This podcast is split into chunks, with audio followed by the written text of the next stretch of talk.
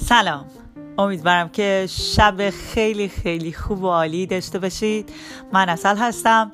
با اولین پادکست صوتی من که در مورد راه های نرسیدن به رویا هاست و یکی از راه های خیلی مهمی که بازدارنده است و جلوی ما رو می‌گیره و جز ترموز های عجیب غریب زندگیمونه توی مسیر موفقیت. در خدمتتون هستم. امیدوارم که این فایل صوتی بتونه به شما کمک کنه تا حسابی ترموز های موفقیتتون رو بردارین و به سمت جلو آینده روشن حرکت کنید. منتظر باشید.